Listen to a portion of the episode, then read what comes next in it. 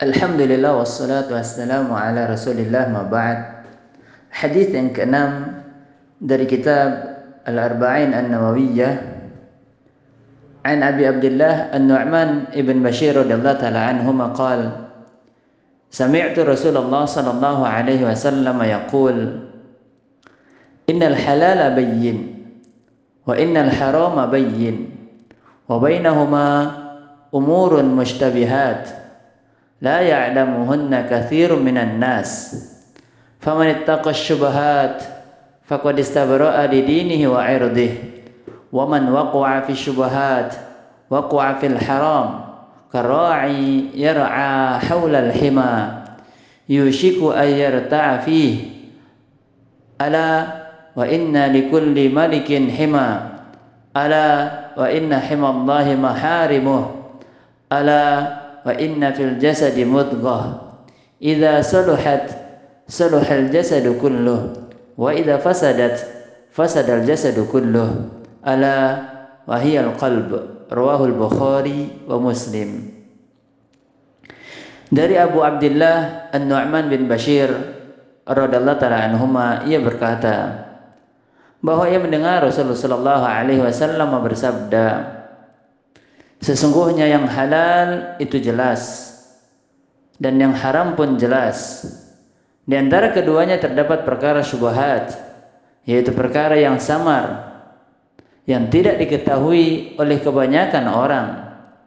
Siapa yang menghindarkan diri dari perkara syubhat, maka ia telah menyelamatkan agama dan kehormatannya. Siapa yang terjerumus ke dalam perkara syubhat, maka ia terjatuh di perkara haram.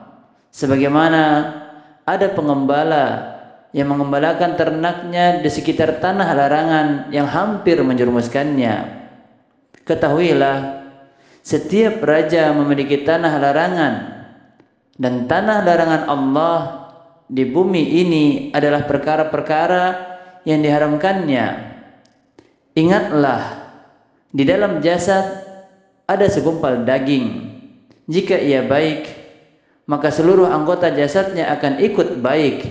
Namun jika ia rusak, maka seluruh anggota jasadnya akan ikut rusak. Ingatlah, segumpal daging itu adalah hati. Faidah dari hadis yang mulia ini pertama Rasulullah sallallahu alaihi wasallam menerangkan tiga hukum utama dalam Islam yang pertama adalah perkara yang sudah jelas kehalalannya. Kemudian perkara yang sudah jelas keharamannya. Kemudian perkara yang samar-samar antara halal dan haram yang dikenal sebagai perkara syubhat. Faidah yang kedua, Rasulullah Shallallahu Alaihi Wasallam menerangkan bahwasannya hanya sedikit orang yang dapat mengetahui perkara syubhat Orang-orang yang terjerumus di dalam perkara syubhat mereka akan mendapatkan dosa. Mendapatkan dosa karena dia tidak menjaga diri dan agamanya. Dan dia telah masuk ke dalam hal yang diharamkan oleh Allah Subhanahu wa taala, yaitu beramal tanpa ilmu. Dia beramal hanya mengikuti akal dan hawa nafsunya serta tidak bertanya kepada ahlul ilmi dalam amalan yang dilaksanakannya. Faidah selanjutnya dari hadis ini mempelajari ilmu agama dan bertanya kepada ahlinya adalah upaya menempuh jalan keselamatan dalam ibadah agar tidak terjerumus di dalam perkara syubhat. Anjuran memperhatikan amalan hati dari yang dapat merusaknya dari penyakit-penyakit hati di antaranya ria, sum'ah, hasad, suudzan, khurafat, bid'ah dan yang lainnya. Faedah selanjutnya, jika hati ini baik, pertanda baiknya kualitas amalan tersebut. Namun jika hati rusak, maka rusak pula seluruh amalannya. Faedah selanjutnya, barometer baik dan buruknya amalan seseorang tergantung hati. Maka hendaknya seseorang senantiasa menjaga hatinya dari apa yang dapat merusaknya sehingga menjadi lurus serta baik tubuhnya dalam segala amalan yang ia kerjakan.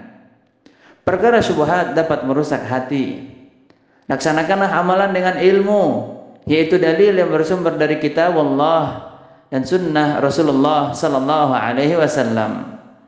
Agar hati baik dan melahirkan kualitas yang baik dalam ibadah yang dapat dipertanggungjawabkan di hadapan Allah tabaraka wa taala. Allah Subhanahu wa taala berfirman dalam Quran surah Asy-Syu'ara ayat 88 dan ayat 89.